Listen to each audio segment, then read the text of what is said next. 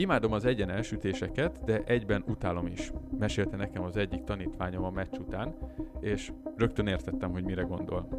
De ő talán nem is tudta amúgy, hogy mennyire rátapintott a lényegre. Gyakorlatilag a nyerők zöme az egyébként egyenesből származik egy meccsen, ezt majd megfigyelheted te is, akár bármilyen meccset megnézel. Szóval a nyerőknek a nagy része az egy egyenes után történik, viszont a hibák nagy része is erre az irányzékra szűkül. Sziasztok Regent Tennis Podcast hallgatók! Az én nevem Vörös György, és a mai adásban 5 szimpla tenisztanácsot szeretnék adni egyéni teniszmérkőzésekhez. És ebben az esetben a szimpla az nem feltétlen egyenlő a kezdő és nagyon általános tippekkel, hanem inkább itt az 5 szimpla tipp az egyelő a hatékonysággal, és olyan tanácsok lesznek, amit mindenkinek érdemes fontolóra venni, lehet, hogy vannak benne olyanok, amit mondjuk te személy szerint már így csinálsz, de bízom benne, hogy az öt pontban mindenképpen lesznek olyan részek, amik újdonságok lesznek neked, vagy pedig csak egy kicsit így felnyitja a szemed, és azt mondod, hogy na jó, ezentúl erre elkezdek figyelni. Még akkor is, ha mondjuk tudtam róla, de mostantól erre még inkább megpróbálok oda fókuszálni. Viszont mielőtt ebbe az öt pontba belekezdenék, azt még szeretném elmondani, hogy az Online Tenisz Akadémián jelenleg tart egy karácsonyi kedvezmény, szóval ez decemberi hónapban lesz így, Szóval 100 forintért tudsz csatlakozni az Online Tenisz Akadémiához az első hónapban, és ezt utána a későbbiekben természetesen tudod módosítani folyamatosan az előfizetésedet, de a lényeg, hogy meg tudod nézni egy hónapig, hogy ez valójában egy olyan program, ami neked való, vagy sem. Azt gondolom, hogy egyébként rengeteg újdonságot, rengeteg érdekes dolgot fogsz ott találni, mint amatőr teniszező, vagy mint utánpótlás teniszező, de azért is lett ez a program kitalálva, hogy győződj meg róla a saját szemeddel, és próbáld ki, hogy ez neked mennyire lesz hasznos. És belekezdve a mai témában, az első pont az az lenne, hogy építs fel egy mérkőzést lépésről lépésre. A meccs eleje az nem ugyanolyan, mint a meccs közepe vagy éppen a vége még nem vagytok úgy beütve, mondjuk a személy szerint, mondjuk te nem vagy úgy beütve, nem kaptad úgy el a ritmust, és még igazából csak próbálod megszokni egy kicsit a körülményeket, ugye?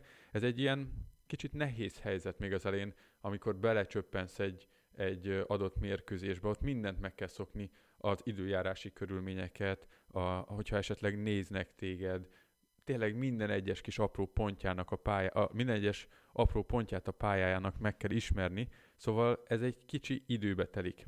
Ilyenkor még azok a megoldások, amik a mérkőzés kés, későbbi szakaszában biztosan bemennének, még elképzelhető, hogy ilyenkor túl kockázatosak. És ez azért van így tényleg, egy kicsit visszautalva, amit ezelőtt mondtam, mert még itt próbálod egy kicsit megszokni azt, ami, ami történik körülötted. Ez nem jelenti azt, hogy nem lehetsz támadó, viszont kezdésnek a kemény ütéseiddel nagyobb célterületekre érdemes célozni, és ahogyan haladunk előre a mérkőzésben, úgy ezeket a célterületeket megpróbálhatod egyre kisebbé tenni, és akár egyre közelebb játszani a vonalakhoz, természetesen attól függően, hogy hogy érzed éppen az aznapi formát, de kezdésnek mindenképpen a nagyobb célterületeket tudnám javasolni. És a mérkőzés elején még szerintem érdemes többször figyelmeztetni magad arra, hogy mi is a stratégiád az adott napra és az adott ellenfél ellen. Ezzel egész biztos, hogy egy nagy lépést teszel afelé, hogy tudatosan tud játszani, és tényleg az valósuljon meg, amit te elképzeltél a mérkőzéset. Ahogy persze haladtok előre, egyre kevesebb szer kell majd figyelmeztetned magad éppen az aznapi stratégiára, amelyre egyre alapvetőbbé fog válni, viszont úgy, ahogy az elején mondtam, hogy ugye megszokjuk a körülményeket, ugyanúgy meg kell szokni azt, hogy mi is az adott napi lehető leghatékonyabb játék az éppen adott ellenfél ellen. A következő pontban azt szeretném neked javasolni, hogy próbáld meg a pályát kihasználni egyaránt mélységében, mint széltében. Nemrégen itt Pécsen volt egy nemzetközi verseny, ahol két fiatal srác játszott egymással. Nagyon szép és kemény ütésekkel játszottak, tényleg, szóval látszott az, hogy technikás játékosokról beszélünk. Viszont az egyikőjük az játszott folyamatosan a mélységekkel, még a másik játékos igazából majdnem, hogy azt lehet mondani, hogy véletlenszerűen néha-néha játszott egy kicsit a, a labdának a mélységével. Itt a mélységnél nem csak arra gondolok, hogy egy rövidítés, hanem tényleg úgy olyan labdákat ütni, amiknek nem csak az a célja, hogy elmenjen az alapvonalig, hanem ebbe beletartozik a rövid kereszt, beletartozik az ejtés, akár egy pálya közepére behúzás, szóval, hogy ütünk egy olyan laposabb labdát, amivel tudjuk, hogy még ellenfelünk el fogja érni, de az a célunk, hogy behívjuk egy kicsit, hogyha esetleg nem érzi annyira jól magát ott. És ezt az egyik játékos nagyon jól csinálta, a másik játékos pedig szerintem jól tudta volna csinálni, viszont nem nagyon vette észre, hogy ez hiányzik a, játéka, ez hiányzik a játékából. És végül azt gondolom, hogy ez volt az a döntő faktor közöttük, ami miatt a mérkőzés eldőlt a, az A-játékos ö, szempontja javára. És neked is ezt javasolnám, hogy bátran gondolkozz több irányba, amikor célzásról van szó. Ne csak jobbra és balra, hanem röviden, röviden és élesen. Ugyanezekbe gondolkodhatsz úgy, hogy na jó, akkor most mennyi pörgetést tegyek bele, vagy akár nyesve ütöm, megcélozhatod tényleg a, a T-vonalnak a sarkát, mondjuk egy intenzív pörgetéssel, ugye egy jó kis, nem is mondám még annyira nagyon rövid keresztnek, mert ugye a rövid keresztet inkább arra szokták mondani, ami már azért így a T-vonalon belül pattan, de a T-vonal vagy T-vonal mögött pattan egy kicsivel, de élesen megy kifelé, akkor is játszottál már a mélységével, és nem csak az volt a célja az ütésednek, hogy valahogy menjen vissza hosszan a, a pályára. Félre ne érts, igazából ez egy remek taktika hosszan játszani, hiszen nagyon nagy nyomást tudsz tenni ezzel az ellenfeledre, viszont egy idő után kiszámítható tud lenni, hogyha csak is a hosszal játszol, és nagyon keveset a mélységgel. Úgyhogy ez mindenképpen szerintem egy olyan pont a, a mai podcastben, amit érdemes fontolóra venni, hogy ezt te mennyire csinálod így, és mennyit tudnál rajta akár fejleszteni. Válaszd meg, hogy mikor ütsz támadó egyenest. Imádom az egyenes ütéseket, de egyben utálom is. Mesélte nekem az egyik tanítványom a meccs után, és rögtön értettem, hogy mire gondol.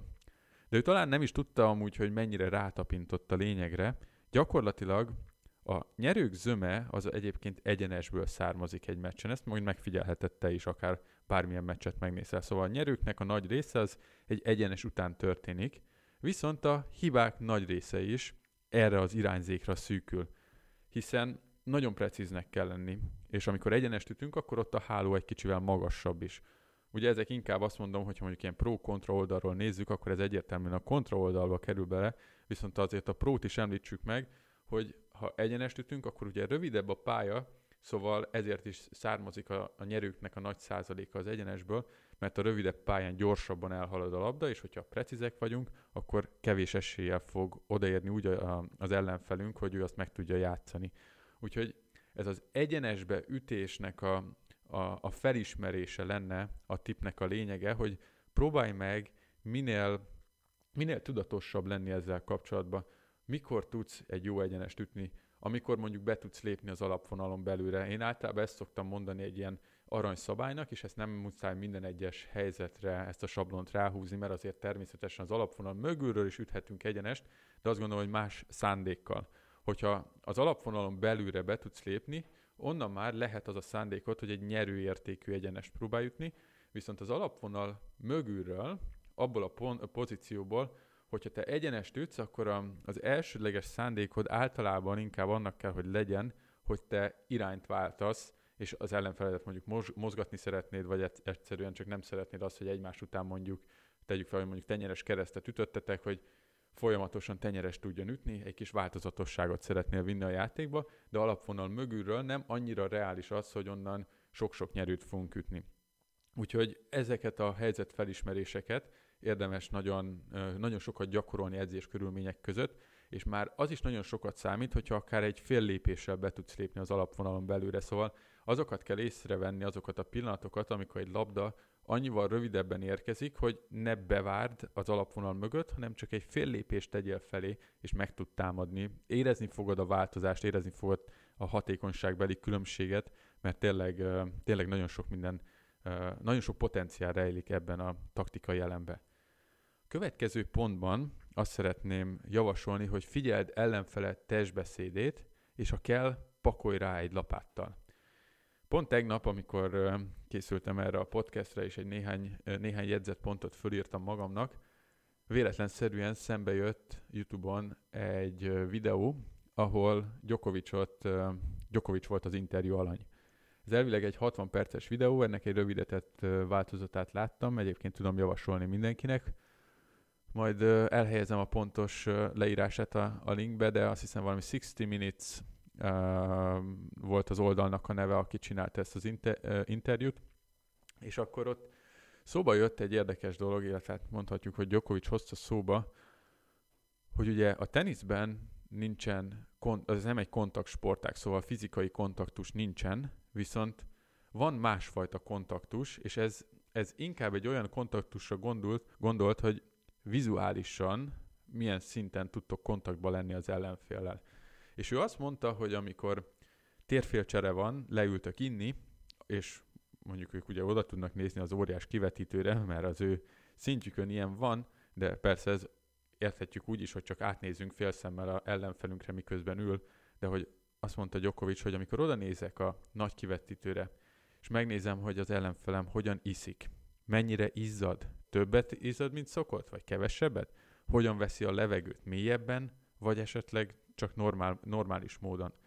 És megnézi azt, hogy ha esetleg ő kommunikál kifelé esetleg az edzővel, akkor azt hogyan teszi, milyen uh, lelki állapotban van. És ezek a, ezek a kis alap, uh, alap dolgok, amit a, az ember testbeszédéből le lehet olvasni, azt gondolom, hogy sokat számítanak. És ezeket a, ezeket a, a, a jeleket, hogyha te észre tudod venni ellenfeleden, idegesebb egy picit, fáradtabb valamivel, dekoncentráltabb, deko- dekoncentráltabbá vált a, a játéka, ezeket meg kell próbálni folyamatosan figyelni és, és szkennelni az ellenfeledet, hogy éppen milyen állapotban van. Hogyha azt látod rajta, hogy éppen egy hullám völgybe került bele, az egy remek alkalom, hogy te rápakolj egy nagy lapáttal. És hogyha ezt te meg tudod csinálni, ezt a váltást hatékonyan meg tudod csinálni, és tényleg ilyenkor elképesztően alacsonyra csökkented a ki nem kényszerített hibák számát, megpróbálsz nagyon tudatosan teniszezni, megpróbálsz nagyon precízen teniszezni, akkor átveheted az irányítást a, a mérkőzés felett. Ilyen pillanatokból szinte minden egyes mérkőzésen adódik egy-egy, csak azt észre kell venni, és azzal élni kell. És itt azt gondolom, hogy ezt a csak szócskát, ezt azért idézőjelbe lehet tenni, mert ez egy nehéz dolog, viszont sok-sok munkával és sok-sok játékkal, hogyha minél több tapasztalatot gyűjtesz mérkőzésekről, akkor ezt egyre jobban meg fogod tudni csinálni, és szerintem ezzel egy nagyot tudna lépni a játékot, hogyha esetleg erre még eddig nem figyeltél olyan szinten. És a, záró tippem az lenne, hogy alakíts ki magadnak egy zónát. Egy olyan zónát, ahol tényleg komfortosan érzed magad. Érd el azt, hogy a te ritmusodban haladjon a mérkőzés. Régebben én elkövettem azt a hibát, hogy sokszor alkalmazkodtam ahhoz, ahogyan ellenfeleim játszottak, milyen, ahhoz a ritmushoz, és majdnem, hogy azt mondom, hogy ahhoz a stílushoz is egy kicsit alkalmazkodtam, amit ő rám akart erőltetni. Ez összességében egy nagy hiba, és meg kell próbálni egy olyan komfortzónát létrehozni, ahol te otthon érzed magadat a teniszpályán. Soha ne kapkodj labdamenetek előtt, gondold át, hogy mit szeretnél tenni, és és, és mi, a, mi a terved az adott labdamenetben. Ha kell, akkor egy kicsit fordít, fordíts hátat, igazítsd meg a húrokat, mormold el tényleg a kedvenc mantrádat, vagy törölköz, és ezekben a pillanatokban így zár ki mindent, és csak is arra koncentrálj, hogy mi van a te játékoddal, mit szeretnél rajta változtatni, és, és mik a célok, és ne, egyáltalán ne érdekeljen az, hogy ellenfeled milyen tempót szeretne diktálni. Persze itt azért a sportszerűség határán belül kell maradni, szóval ha mondjuk ő az adogató, már mint ellenfeled az adogató, akkor ugye neked kell valamilyen szinten alkalmazkodni hozzá, hogyha ő már rég ott áll adogatni, akkor te nem teheted meg, hogy még csak ott hátul valahol sétálgatsz, de teljesen a sportszerűség határain belül még azt gondolom, hogy a, amíg töröl közöl, ezeket a, ezeket a dolgokat megtarthatod magadnak, és egyre jobban azt fogod érezni, hogy, hogy te leszel otthon a pályán, és nem pedig úgymond vendégségbe, vagy az ellenfeled vendégségébe, és ez egy nagyon fontos különbség.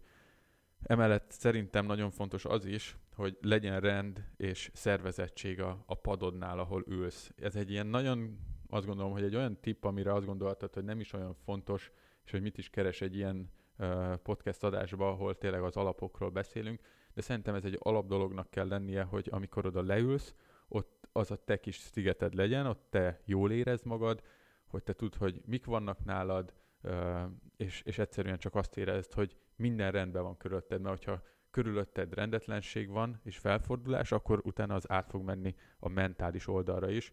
És egyébként most egy megint egy saját példára visszautalva, többször észrevettem, és erre próbálok nagyon ügyelni azóta, amióta erre figyelmes lettem, hogy amikor vezetek, és jól állok egy mérkőzésen, akkor mindig rend van. Amikor nem, amikor valami nem úgy sül el, akkor egyre inkább eluralkodik a káosz ott a padon, és ez teljes mértékben kiüt. Igazából lehet látni, hogyha már csak egy két padra oda nézel, egy mérkőzés közepére becsöppensz, két padra oda nézel, tudod, hogy melyik pad az A játékosé, melyik pad a B játékosé, elképzelhető, hogy látni fogod, hogy kiáll vezetésre, mert egyre jobban ki fog jönni a, a fizikai valóságban az, hogy te benned mi zajlik, és, és, és hogy érzed magad a pályán. És ez ugyanúgy vice versa, hogyha te folyton azt érzed, hogy rend van magad körül, akkor ugyanúgy meg fogod tudni tartani a rendet fejben is. Remélem, hogy tetszettek ezek a tippek, és hasznosítani fogsz tudni belőlük egy jó párat, eredményesebben fogsz tudni teniszezni, és visszatérsz a következő Regent Tennis podcast adásban, mert most egyszer elköszönök. Köszönöm szépen, hogy végighallgattad az adást, találkozunk hamarosan. Szia, sziasztok!